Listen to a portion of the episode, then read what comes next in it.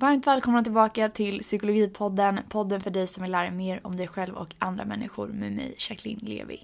I dagens härliga julavsnitt så kommer vi få träffa RFSUs alldeles egna sexolog Susanne Larsdotter och vi kommer främst prata om orgasmer och klitoris. Så välkomna hit och god jul om ni firar det, god fortsättning oavsett vad ni firar. Välkommen hit. Tack så mycket. För de som inte känner dig eller har träffat dig tidigare, vem är du? Ja, vem är jag? Jag är eh, socionom och sexolog. Jag har två auktorisationer som sexolog. Jag jobbar till vardags på RFSUs förbundskansli och där jag är sakkunnig i sexualupplysning. Vad innebär det? Det innebär att jag jobbar nationellt med sexualitetsfrågor på alla plan. Jag eh, jobbar både med lite rådgivning, jag jobbar mycket med sexualupplysning, jag utbildar mycket. Framförallt så utbildar jag professionella i konsten att prata om sex med sina patienter eller klienter eller brukare. Just det, så det är främst mot vården då, eller? Vård, omsorg, socialtjänst, men även en del jurister och andra. Man kan säga att alla som jobbar med människor på något sätt brukar jag möta. Spännande. Mm. Vi ska ju fokusera på lite olika saker. Mm. Vad är en orgasm för någonting? Ja, rent fysiologiskt är ju en orgasm eh, sammandragningar i bäckenbottenmuskulaturen. Det låter ju inte det så himla eh, erotiskt, men det brukar ju åtföljas av en väldigt skön känsla. Alltså en känsla som byggs upp och sen så blir det någon form av klimax och sen så eh, blir det en nedtrappning efteråt.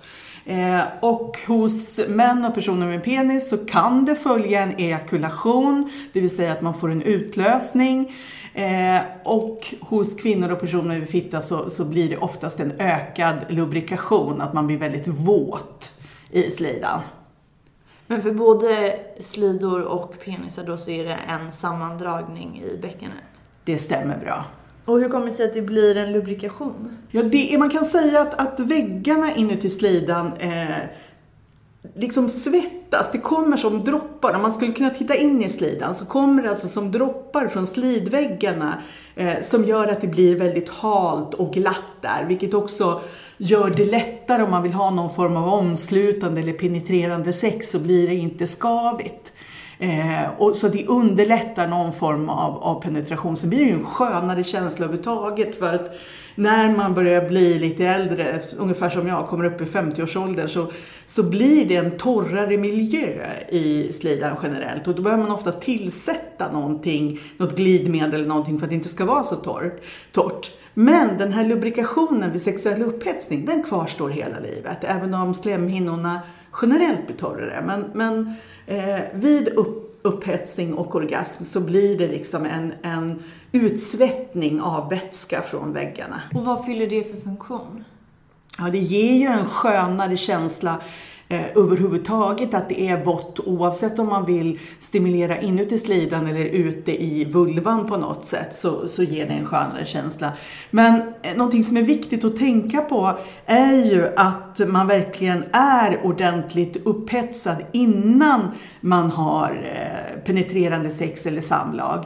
Därför att eh, det som händer också är ju att, att väggarna inuti slidan, de blodfylls ju så man får ju, eh, även fittor får ju erektion eh, och blodfylls. Och det här gör ju att det blir liksom ett slags stötdämpande kuddar som gör att man inte gnider direkt mot slemhinnan på samma sätt utan att det blir som en luftkudde som dämpar eh, beröringen på något sätt så att den inte blir direkt. Mm. Eh, och man tror att en av orsakerna till att man exempelvis får eh, vestibulit, vestibulit eller andra såna här eh, smärttillstånd i vulva vagina så eh, handlar det om att man kanske har haft sex utan att man har varit ordentligt upphetsad.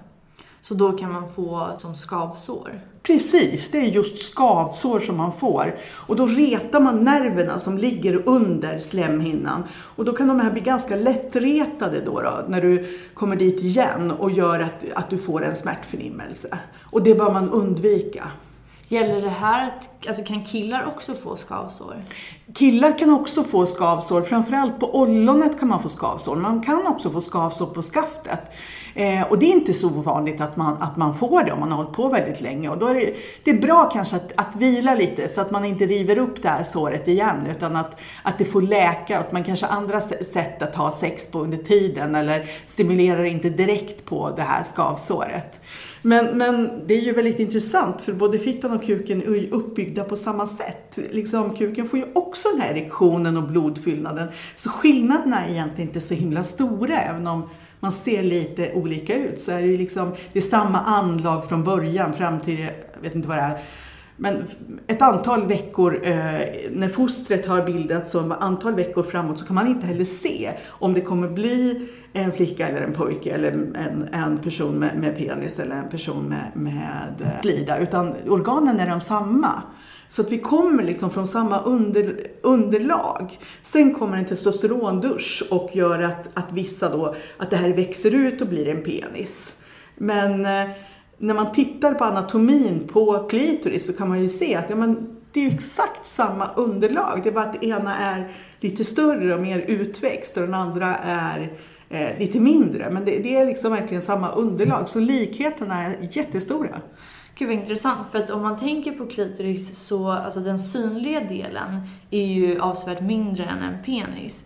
Men är det så att anatomin liksom, eller klitosen, klitisor, vad heter det, klitis, klitoris fortsätter att växa på insidan, eller man ska säga. Ja, klitoris är mellan 8 till 10 cm lång och den synliga delen är ju, ja, den är ju bara någon centimeter. Men det som är spännande med klitoris, det är ju att det finns en liten huva, en förhud också på klitoris.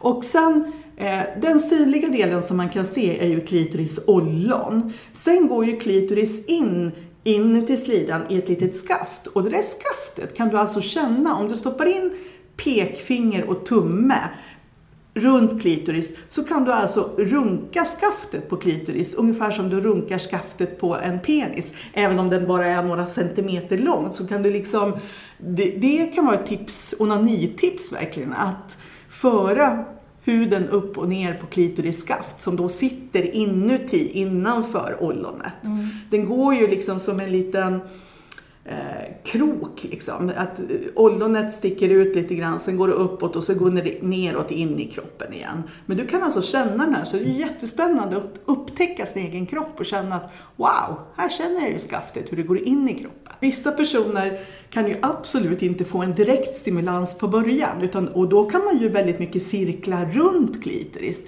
Så ska vi ju komma ihåg att, att klitoris består ju förutom det här lilla skaftet så utmynnar ju skaftet sen i två skänklar. Det ser ungefär ut som en hästsko eh, på bägge sidorna. Eh, och sen så går det in, in två klyftor som hänger ner som påminner väldigt mycket om det som, som penis sitter fast i, som också sitter fast i två sådana här skänklar. Och de här går ju också ut nervtrådar eh, ifrån. Så du kan ju alltså stimulera klitoris genom att ta på insidan av dina lår. Därför att det går nervtrådar in i låren och sen går det naturligtvis nervtrådar runt om i hela vulvan. Så att du kan alltså stimulera klitoris utan att ta på klitoris. Nu, eh, vi pratade lite innan så med terminologi, för du sa att det är skillnad på vulva och slida, eller vad ja. Eh, vad är skillnaden? För nu sa du ju vulva.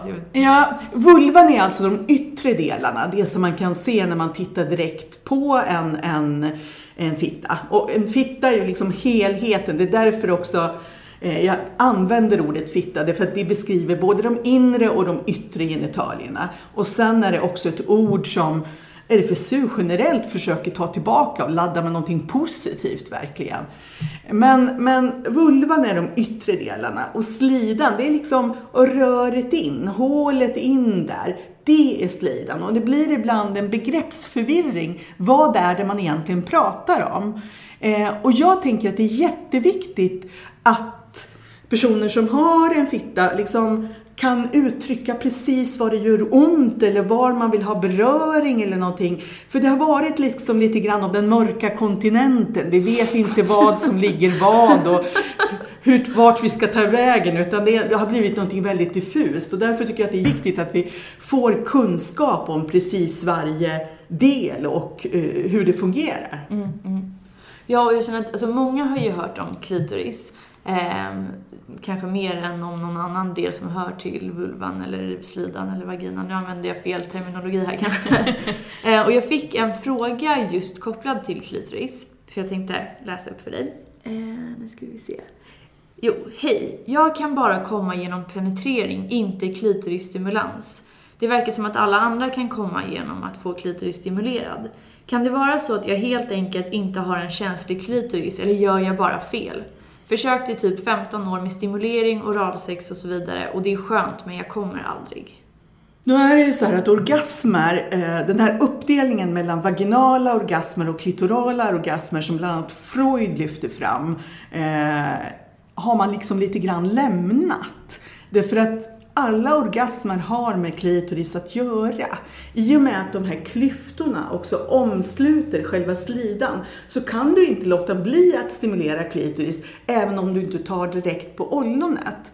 Så att den här personen är lite ovanligare, för det är oftast det problemet det motsatta. Jag skulle säga att majoriteten av alla har motsatt problem. Att man inte kommer via stimulans inne i slidan utan man behöver direkt klitorisstimulans. Men eh, jag är övertygad om att den här personen också får klitoral stimulans men kanske mer på de inre delarna och har byggt upp en känslighet och eh, tycker att det är liksom, den stimulansen är skön. Och så länge det inte är något problem så är det ju då är det ju bara att fortsätta njuta av den, av den beröring som man tycker om. Mm. Men är man nyfiken på att liksom börja känna så behöver man kanske fundera vilken stimulans då känns bättre? Har man tagit för lätt? Har man tagit för hårt?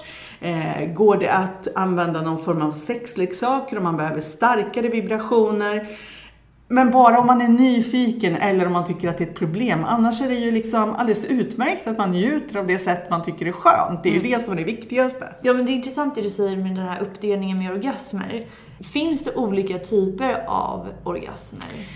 Alltså, orgasmerna framkallas generellt av, alltså eftersom det finns inget organ som är så känsligt som klitoris. Alltså den har Eh, över 8000 nervändar. Det finns ingen del av kroppen som är så otroligt känslig som den delen.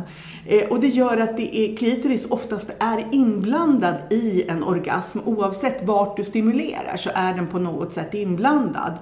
Eh, men sen är det ju så att du kan ju få orgasm om du stimulerar vaginalt eller klitoralt, men du kan ju också få en orgasm bara att du smeker brösten eller tar på något annat, eller en tankeorgasm liksom. Så att det är klart att orgasmen kan komma på olika sätt och den kan kännas, ibland känns ju en orgasm som ja, men en smärre jordbävning och ibland så känns det som en liten lätt nysning bara. Så det varierar ju också i kraft eh, och känsla av orgasmen. Men Eh, när det, orgasmer kommer genom stimulans, eh, fysiologisk stimulans, så brukar klitoris vara inblandad på ett eller annat sätt. Mm.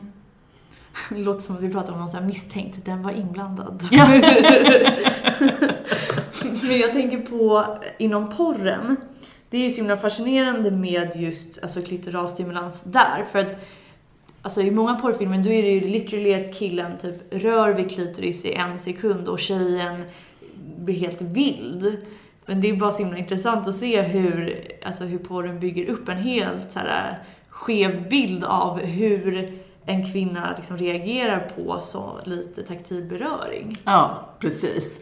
Och man kan också se i vissa filmer att de gnuggar klitoris väldigt hårt och länge och det är ju inte heller kanske den bästa vägen att gå. Jag mötte en ung tjej en gång som, eh, när jag berättade om klitoris, hade liksom lite sexualupplysning som kom fram och sa så men gud vad bra! Det här borde min pojkvän verkligen lyssna på. För vet du, han stimulerar min klitoris på precis samma sätt som man tar bort en fläck på diskbänken. Han gör så här och så gnuggar hon det hårdast hon kunde på bordet. Liksom så här. Och det är klart att det är ju liksom inte skönt. Men om vi tänker då på en manlig orgasm eller en person som har penis och får en orgasm. Mm. Då så nämnde du att ibland så ejakulerar de även. Mm. Men då låter det som att det finns en distinktion mellan att få en orgasm och att ejakulera. Precis. Att ejakulera och få orgasm är inte samma sak, men väldigt många tror att det är samma sak. Och det är ju inte så konstigt för det inträffar ju ofta samtidigt. Men eh, män och personer med penis kan också bli mångorgasmiska. Det vill säga att de kan få flera orgasmer innan de ejakulerar. Eh, och det är ju en träningssak som man måste bygga upp och träna på att hitta sin Eh, hitta den här punkten innan non point of return som man brukar kalla eh, Därför att om du bygger upp upphetsningen till en viss nivå, ja då kommer du att ejakulera. Och det gäller att stoppa precis innan du ejakulerar. Men när vätskorna har blandat sig, det som blir ejakulationen eller utlösningen, när de väl har blandat sig, då kan du inte stoppa. Utan då kommer då vätskorna att komma ut. Utan du måste stoppa precis innan. Men då kan du å andra sidan uppleva en orgasm eller flera orgasmer innan du, kan, innan du ejakulerar. Men när du väl har ejakulerat, då har eh, personer eh, med penis då, eller män, eh, eller både och, eh, har då en refrakt erektionsperiod. Att när du har ejakulerat så, så tar det ett tag innan du kan få erektion igen. Och det här är väldigt beroende på ålder och på andra omständigheter. Är du ung så kanske du kan vänta i 5-10 minuter och sen får kan du få erektion och ha sex igen. Blir du äldre så tar det lite längre tid, mm. den här reflektionsperioden. Eh, och det är det som då om man vill få flera orgasmer så kan man då bygga upp det här att man, att man inte ejakulerar innan. Eftersom orgasmen och ejakulationen kommer så himla nära in på varandra, hur vet man då vad som är en orgasm och när man är liksom vid den här point of no return?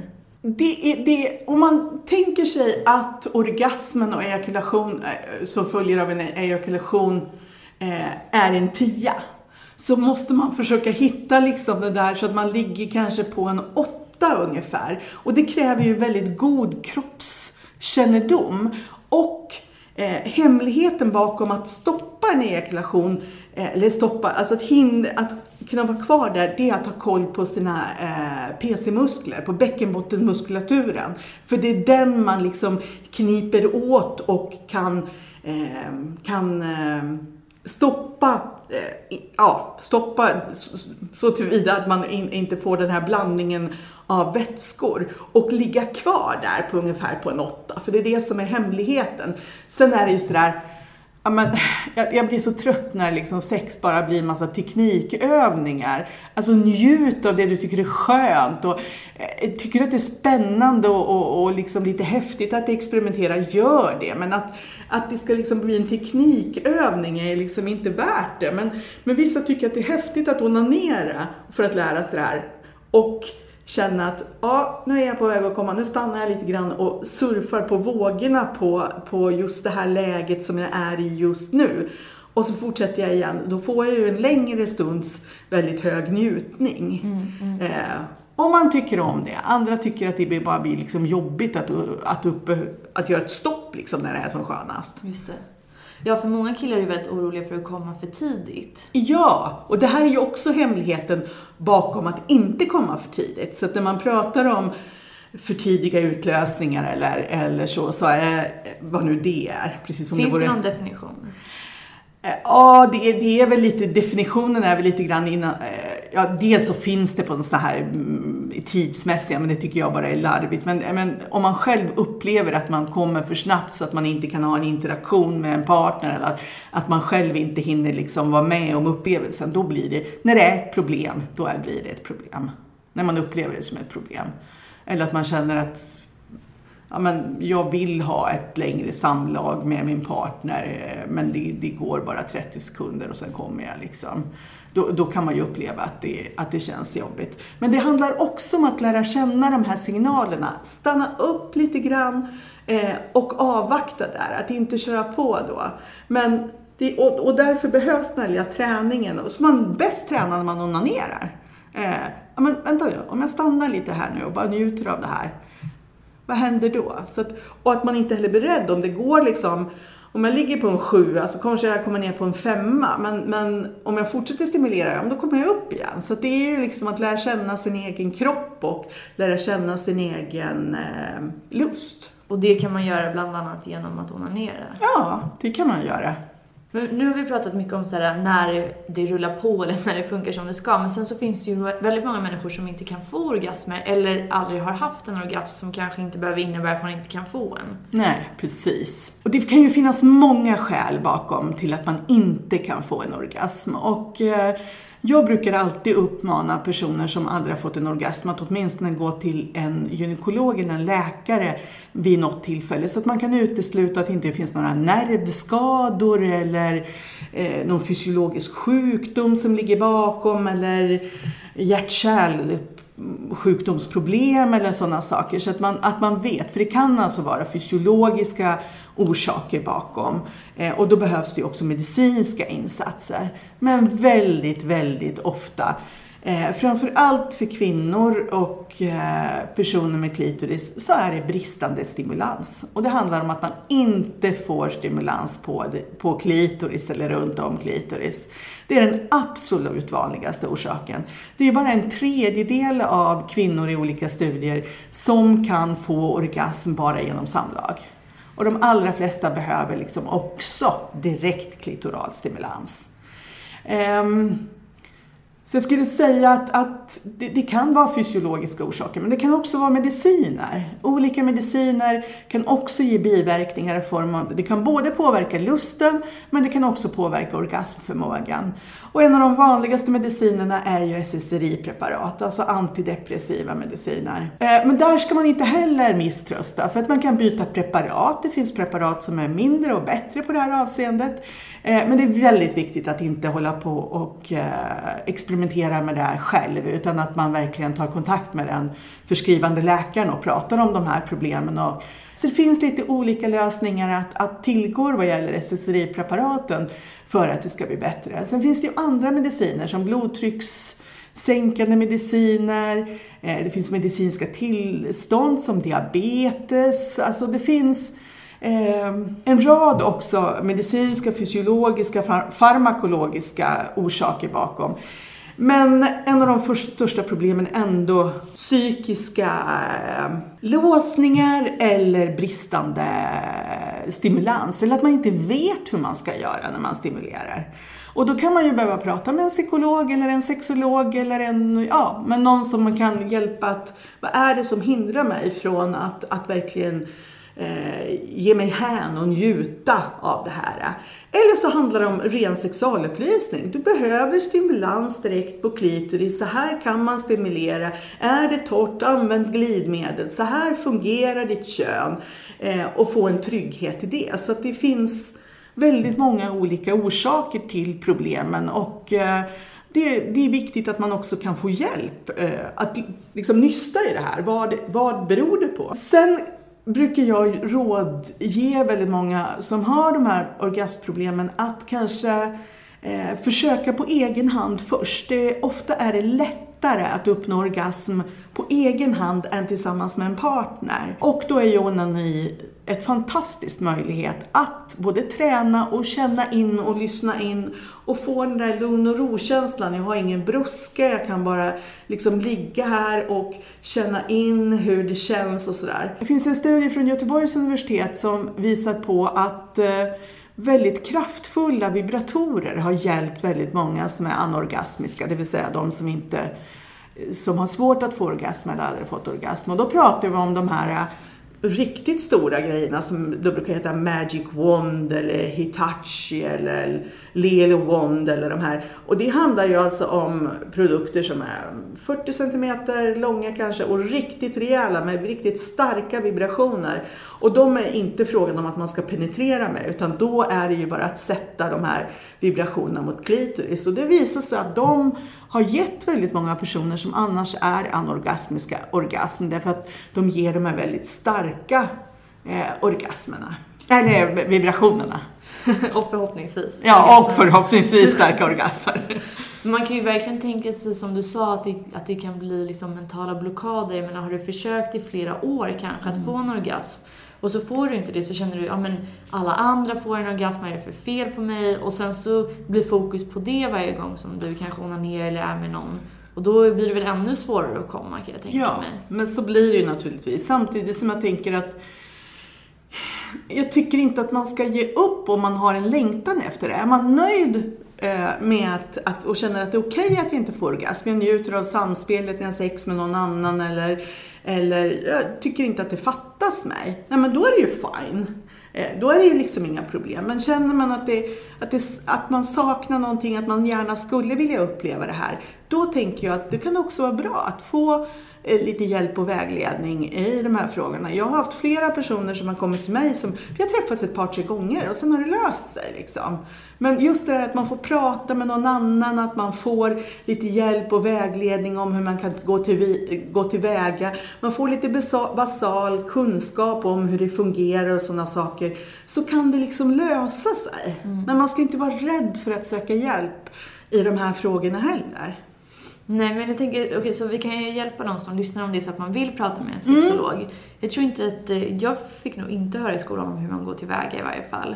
Så hur gör man om man vill träffa någon? Ja, alltså dels så kan man ju gå till, till en eh, kvinnoklinik eller en urolog eller en androlog på sjukhuset. Eh, annars så kan man också söka privat till en sexolog, men då kostar det ju lite mer. Men det finns ett antal eh, privatpraktiserande också. Eller så kan man gå till en sexualmedicinsk eh, enhet, om det en sån finns i den stad man, man lever i. I storstäderna så finns det ofta sexualmedicinska kliniker och de ligger under landstinget och de har personal som verkligen är experter på de här områdena. Är man ung så att man kan gå till ungdomsmottagningen så brukar det finnas bra hjälp att få där. Eh, här i Stockholm så finns ju också RFSU-kliniken som man kan söka hjälp med. Så det finns lite olika eh, sätt att gå tillväga. Sen kan det ju finnas liksom praktiserade kuratorer eller psykologer eller terapeuter som också har sexologisk kompetens som kan hjälpa en vidare med de här frågorna. Men det kan också vara bra att bara starta på vårdcentralen för att liksom få klarhet i, kan det vara någon av mina mediciner, har jag någon, lider jag diabetes eller någon annan sjukdom? Så att eh, sök liksom där du, där du befinner dig i, i eh, och så kan du också få hjälp att få specialistrådgivning just i det län eller landsting som du själv befinner dig i. Det är ju tyvärr lite lättare i storstäderna. Mm. Mm, som med all annan vård ja, också kan man precis. Men det här är ju liksom om man upplever att det är ett problem. Ja. Men finns det även personer som är asexuella, alltså som inte vill ha sex eller inte liksom... Ja, det gör det ju. Det finns ju personer och det är därför jag... Ja, det finns ju personer som är asexuella som inte är så intresserade, som liksom tycker att det här, ja, det, det kan väl kännas skönt men jag har ingen lust, jag har inget intresse av det alls. Och det är ju inga problem. En av de första frågorna som jag ställer till en person som kommer till mig eh, och som söker för bristande lust till exempel. Mm. Det är ju, men har du lust att ha lust? För har man inte lust att ha lust, det är väl ingenting som, som säger att, att man missar någonting eller att man behöver ha det. Sen kan det bli ett relationsproblem naturligtvis, men då får man ju lösa det i relationen. Men det finns ingen eh, regel som säger att man lever ett bättre liv med sex eller med antalet orgasmer och sådär, om man inte längtar och vill ha det. Så det är ju helt upp till var och en vad man känner för behov. Och eh, Ja, men det, jag måste berätta en liten anekdot. Det ringde en kvinna till mig som eh, berättade att hon, hon hade ingen sexlust alls. Eh, och eh, hon, hon, hade läst ganska mycket såna här kvällstidningars eh, bilagor och sådär och sa så att det verkar så himla viktigt att ha sex för att det är så bra för för ens välmående och, och till och med så läste jag att man kommer kunna leva längre om man har mycket sex. Kommer jag dö i förtid tror du? Och då pratar vi om, ja men vad är det som är viktigt? Ja men det är ju viktigt att man har bra relationer, att man har, får närhet och intimitet. Men det är ju själva sexet är ju inte det viktigaste, utan att man får de här basala behoven tillgodosedda på något sätt. Och det visade sig att hon hade ett rikt liv med vänner. Hon hade en hund som hon hade, var väldigt nära och som hon både fick närhet och gav mycket närhet till. Hon hade barnbarn som hon passade och som satt i hennes knä och liksom gossade med. Men hon hade ingen sexuell drift. Men hon fick ju väldigt mycket närhet och intimitet med andra personer och andra situationer. Och jag kunde ju lätt lugna henne och säga att jag tror inte att det är någon som helst fara för dig. Och du lever ju ett rikt liv som du är nöjd med. Så var nöjd och glad och njut av ditt liv. Liksom. Mm. Det verkar ju inte som någonting fattas där. Mm. man inte har råd med en studio. Nej, precis. Att, så att, att leva ett rikt liv, där kan ju att ha lust och sex vara en komponent. Men ja. den utgör ju inte hela den Nej. biten. Nej. Men finns det några hälsofördelar med att få orgasmer? Ja, det gör ju det. Och det är ju väldigt spännande den här nya forskningen som vi visat att regelbundna eh, ejakulationer förebygger också cancerrisken för, för män. Men sen, jag tror inte att det ger några så här jättelångsiktiga eh, fördelar, men du får ju naturligtvis oxytocinhalten höjs och du liksom blir lugn och tillfredsställd och det liksom, du får ju en, en hormondos i dig i och med att du eh, får det här välbefinnandet och närheten. Men att det skulle ha så väldigt långsiktiga eh, hälsofördelar tror jag mer handlar om nöjdhet med livet i stort och relationsnärhet och sådär. Så och sen är det naturligtvis positivt att få en skön upplevelse och så. Men man, man ska inte överdriva de liksom medicinska fördelarna heller med det. För att å andra sidan, om du inte onanerar eller har sex så, så, att du får utlösning så får du det i sömnen i alla fall. Så att det är liksom... Kanske Vad får du i sömnen? Eh, du får utlö alltså, män får ju utlösning i sömnen. Om man inte tömmer eh, det här annars så, så liksom kommer det ju ut i alla fall. På vilket sätt då? Eller jag förstår ju var det kommer ut, men... Nej, men alltså man kan ju alltså få, få utlösningar i sömnen Jo, så långt jag vet. Men att, bara för att man inte har tömt det på annat Ja, och det, för du har ju sexuella drömmar. Du får ju erektion ett antal gånger per natt. Det gäller ju oavsett vilka könsorgan du har. Så kan man ju se att du får erektion, blodfyllnad eh, varje natt. Att, att, så att organen gymnastiserar ju och liksom fungerar även om Eh, även om du själv inte liksom kommer ihåg det eller tänker på det så. Ja, men det är en av de första frågorna man ställer när någon kommer och har erektionsproblem. Det är ju den här frågan, liksom, har du morgonstånd? Därför att eh, Även om du har erektionsproblem eh, annars så, så, är det en, en, indikation på att har du morgonstånd så har du ändå den fysiologiska förmågan att få erektion. Så det kanske inte funkar i alla lägen. Men är det så att man inte ens har erektion på morgonen då kan man tänka sig att då kanske det ligger någon fysiologisk bakgrund eh, till det här som måste utredas. Varför får man morgonstånd? Ja, det är för att här, man har haft den här eh, sömnen som, som erektionerna kommer i ganska eh, tätt innan. Så att man kan ju vakna med ett praktstånd eller man kan vakna och känna sig lite våt och, och upphetsad. Eller upphetsad, men man kan känna den här medvetenheten om att nu har det hänt någonting i könsorganet när man vaknar. Och då är det för att det dröjer kvar från det här drömtillståndet som man har haft när man sover. Man kan få orgasm vid drömmar, man kan också få tankebaserade orgasmer. Det kanske inte är så vanligt att man lyckas uppnå det, men eh, för, men ofta samspelar det ju. Ibland kan man ju vara så otroligt kåt när man ska ha sex med någon så att man kommer jättesnabbt och man blir så förvånad. Jag behöver alltid den här stimulansen och allt det här. Men de har ju byggt upp sin upphetsning redan innan. Och så har vi ju också olika erogena zoner som gör att, att Eh, om jag har väldigt känsliga bröstvårtor och stimulerar dem jättemycket, ja men då är jag, kan jag ju vara nära en orgasm och då kan jag liksom stimulera kanske lite på klitorisen för att jag väl, väl ska komma. Men den här största insikten runt det här, det fick jag när jag jobbade med, eh, som kurator med ryggmärgsskadade personer. Eh, och de har ju då förlorat känseln från midjan eller från, från eh, överdelen nedanför halsen liksom, och neråt. Och de får ju ofta ett ny erogen zon mellan det förlamade området och den eh, fungerande delen.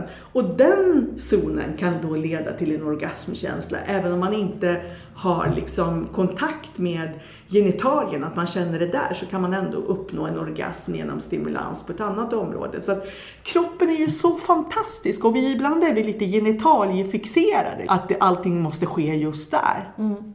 Men vad, du sa erogena zoner, vad, vad är det för något? Ja, det är områden på kroppen som är extra känsliga, som du blir eh, sexuellt upphetsad av att ta på.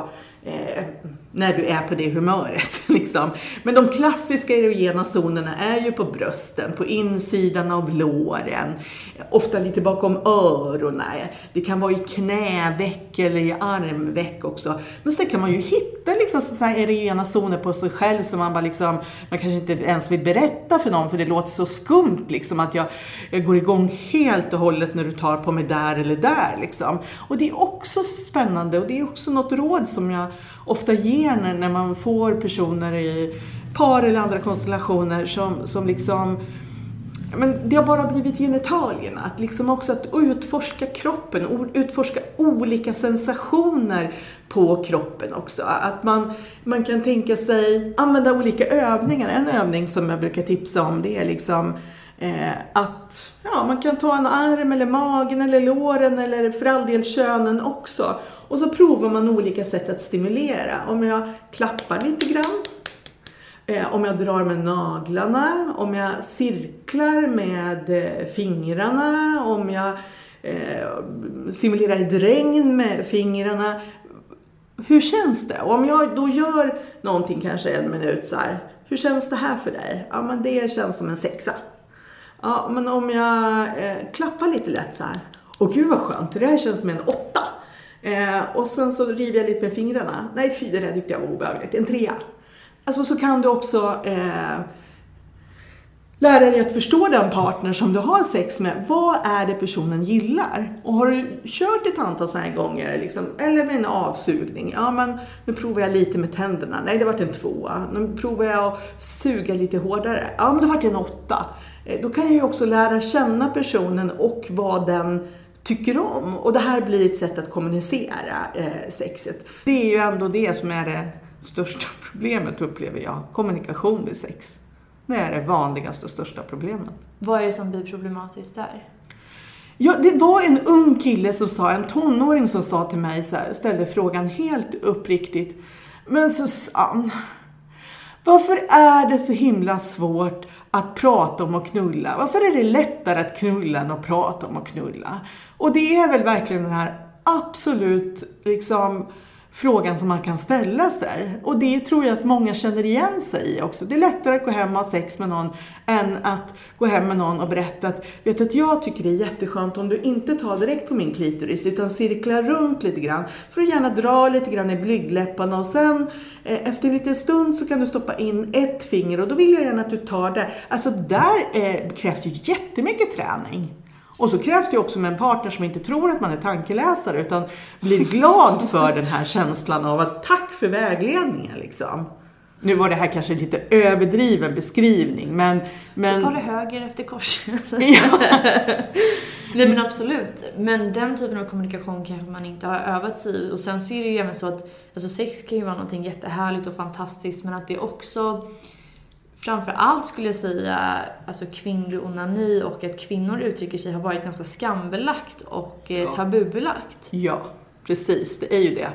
Och att kunskapen om stimulans och vilken stimulans som behövs inte heller finns. Så att det är liksom, det är lite orättvist att beskylla partnersa för att vara dålig partner som man inte ens har fått den basala sexualupplysningen om vad, vad, vad som funkar i. Och sen är det ju naturligtvis olika från olika personer också. Så man ska dels, man kanske liksom då dels kan öva sig själv i att kommunicera men förstadiet till det är väl då kanske att lära känna sig själv? Ja, precis. Och det är därför jag pratar så mycket om onani och att lära känna sig själv. Eh, och gärna liksom göra det också på ett medvetet plan. Jag brukar säga så här, haka av hallspegeln, sätt dig i soffan och sätt spegeln liksom mellan benen och gå på en upptäcktsfärd. Liksom. Och den behöver ju inte ens vara sexuell om man inte känner för det. Men, men titta, dra lite i blygdläpparna, känn hur hur känns klitoris skaft? Hur känns klitoris? Vart, vart sitter klitoris? Om jag tar lite glidmedel på fingrarna, hur känns det när jag stimulerar där? Vart sitter slidan någonstans? Var sitter urinröret? Om jag trycker lite på urinröret, tycker jag att det känns skönt eller tycker jag det känns som en sämre urinvägsinfektion? Alltså det gäller ju att lära känna sin egen kropp för att jag också ska kunna kommunicera om jag har sex med någon annan. För precis som jag sa tidigare, alltså det är så himla sällan man får chans att ha sex med en tankeläsare. Utan ofta så behöver man ju själv kommunicera mm. till den här personen att jag gillar det här eller jag gillar inte det här. Eller är det någon som sätter igång och gnugga, tar bort en fläck på diskbänken liksom, så känner man så aj, liksom, det vore hemskt skönt om du slutade nu liksom. Ja, och där är återigen är ju, alltså penisen är ju utanför kroppen så att killar har ju i viss mån i varje fall vuxit upp och sett andra killars, eller andra penisbärares penisar. Medan vaginan, det är inte så att du går på upptäcktsfärd liksom och sätter ja. dig på golvet och stirrar in där efter gympan. Exakt, exakt så. Och sen är det ju också så med penisar, de är ju olika känsliga och tycker om olika saker.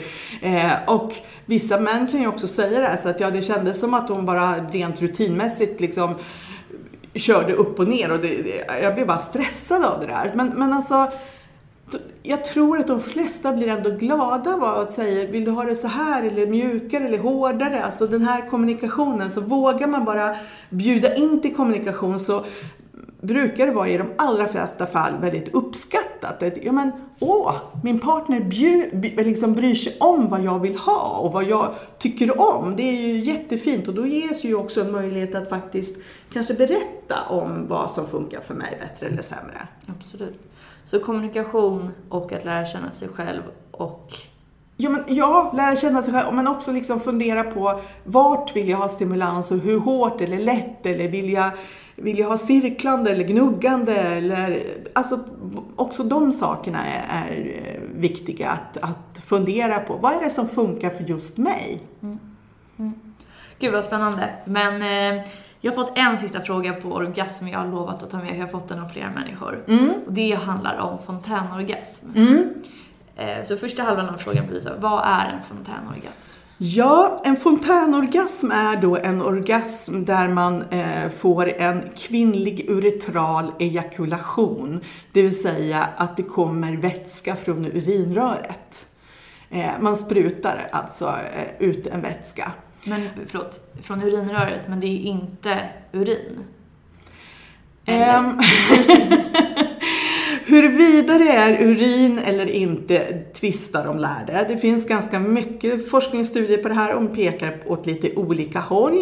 Eh, det är klart att någon inblandning av urin är det i regel därför att det kommer från urinblåsan som bland annat, bland annat så tömmer sig en del av eh, urinblåsan, säger viss forskning. Andra säger att det kommer bara från de parauretrala eh, körtlarna. Som, alltså det sitter körtlar runt urinröret och att det är de som tömmer sig. Men det går ju fortfarande genom urinröret. Även om det inte kommer från blåsan så går det genom urinröret. Så att rester av urin kan man väl nästan anta att det ändå är, även om det inte är huvudsakligen är urin. Men det finns också studier som visar sig att, att eh, urinblåsan fylls av en vätska som kanske inte då är direkt är urin men när man blir upphetsad. Så att, ja, forskningen har helt enkelt inte kommit så långt om vad det är och oavsett vad det är så liksom jag tycker det blir en sån urinfixering vid det här också. Det är en kroppsvätska som kommer och vi har aldrig hållit på och dissekerat eller problematiserat sperma på det sättet. Det finns de som tycker sperma luktar skitilla och är äckligt men ja, so what liksom. Det är det som kommer och det får man hantera och så måste vi också förhålla oss till det, det liksom fontärorgasmerna. Sen eh, nu, den nyare forskningen säger ju att fontänorgasmer uppkommer vid stimulans på SUV-komplexet, detta jättesexiga namn, SUV-komplexet, CUV. Klitouretrala vaginala komplexet. Eh, ofta så handlar det om stimulans inuti slidan. Eh, ungefär, Paul Coelho har beskrivit det som fyra till fem våningar upp och fönster åt gatan. Eh, så jag brukar tänka på det. Alltså att, att fyra till fem centimeter upp i slidan och sen mot magen och lite hårdare stimulans. Vissa kan tycka att det finns ett lite skrovligare område som man då trycker på. Och här gäller inte någon sådana här lätta klitorissmekningar utan här gäller det liksom lite hårdare tryck emot. Och stimulerar du det här området så stimulerar du alltså både klitoris, du stimulerar den här prostatavävnaden som finns runt urinröret och eh, bäckenbottenmuskulaturen. Så att det blir liksom hela kittet som du stimulerar. Och när du stimulerar där så kan du uppleva en orgasmliknande eh, känsla och du kan också spruta. Men alltså du kan uppleva den här känslan utan att spruta och spruta är egentligen, inte, egentligen ganska fel begrepp för ibland kan det bara droppa ut. Man kan liksom var det här lubrikation eller var det en annan vätska? Jag vet inte. Och ibland kan det verkligen spruta ut. Ibland kan det bara rinna ut en, en liksom, eh, man känner oj vad varmt det vart och så förstår man att nu, oj vad blött det blev också. Så det kan komma på lite olika sätt. De allra flesta tycker att ja, men det här är skönt men det går ju inte upp mot en klitorisorgasm. Det, en klitorisorgasm tycker de allra flesta är liksom outstanding annorlunda eh, och skönare än det här. Men vissa tycker att det här är en jättehäftig upplevelse. Vissa tycker att det är jättehäftigt att, att liksom spruta. Men jag kan också känna där att varför gå liksom omvägen runt? Eh, det, det är jättespännande att lära känna sin egen kropp. Det är jättespännande att upptäcka nya erogena zoner. Men för de allra flesta så liksom det är mycket skönare med klitoral orgasm och där sitter ju där sitter ju de flesta av nervändarna också. Sen kan det ju vara kul, men återigen som jag pratade om det här på många orgasmer som man. Alltså det här är ju ingen tekniktävling utan det är en tävling till, eh, det är ingen tävling alls skulle jag säga. Det är liksom, vad njuter jag av? Vad tycker jag är skönt? Vart vill jag ha stimulans? Vissa tycker ju det är jätteskönt med stimulans inuti slidan. Men det kan ju också finnas andra områden i slidan som är sköna att specifikt stimulera. Ehm, samlag är inte det bästa sättet att få eh, att komma åt liksom, den här SUV-komplexet eller G-punkten som det förr hette. Utan det är egentligen med en G-punktstav, en, en stav som har en liten böj så att man just kan trycka emot det här området. Eller i och för sig då samlag i en viss ställning där du verkligen kommer åt att trycka på på slidans insida mot magen eller med fingrar liksom. Det, det Ja, du visar liksom nu så här, alltså det är nästan som så här kom... Ja, komsi komsi rörelse, det är precis mm. det man ska göra. Mm. Komsi komsi. Fast mycket hårdare då? Fast eller? mycket hårdare. Alltså det där måste man ju också känna in så att man inte bara kommer in i någon och tar jättehårt. Men, men det jag vill mena med hårt är ju liksom att det räcker inte med en smekning utan det behövs en lite hårdare tryck. Liksom. Tryck in på, mot väggen där mm. för att man ska stimulera det området. Eftersom du också trycker mot urinröret så kan du först uppleva att du, att du känner dig lite kissnödig. Så att har du kissat innan är det liksom ingen fara. Men det är klart att du kan, kan få den känslan men den brukar gå över sen så småningom. Och, men också så här, ja men prova att stimulera lite men känns det som att, ja, det här kändes väl inte så här. Nej men skit i det då. då liksom. det, det, är ingenting man behöver eller liksom är bättre eller någonting så här. Stimulera och eh, smek där du tycker att det är skönt. Mm. Inte för att det har stått i någon veckotidning att det skulle vara. För att de, många säger så här, ja det är väl skönt men det blir ju inte liksom, det uppgår ju aldrig mot klitorisorgasmen. Och med de orden så rundar vi av det här lilla avsnittet i alla fall. Ha det bra allihopa, hejdå!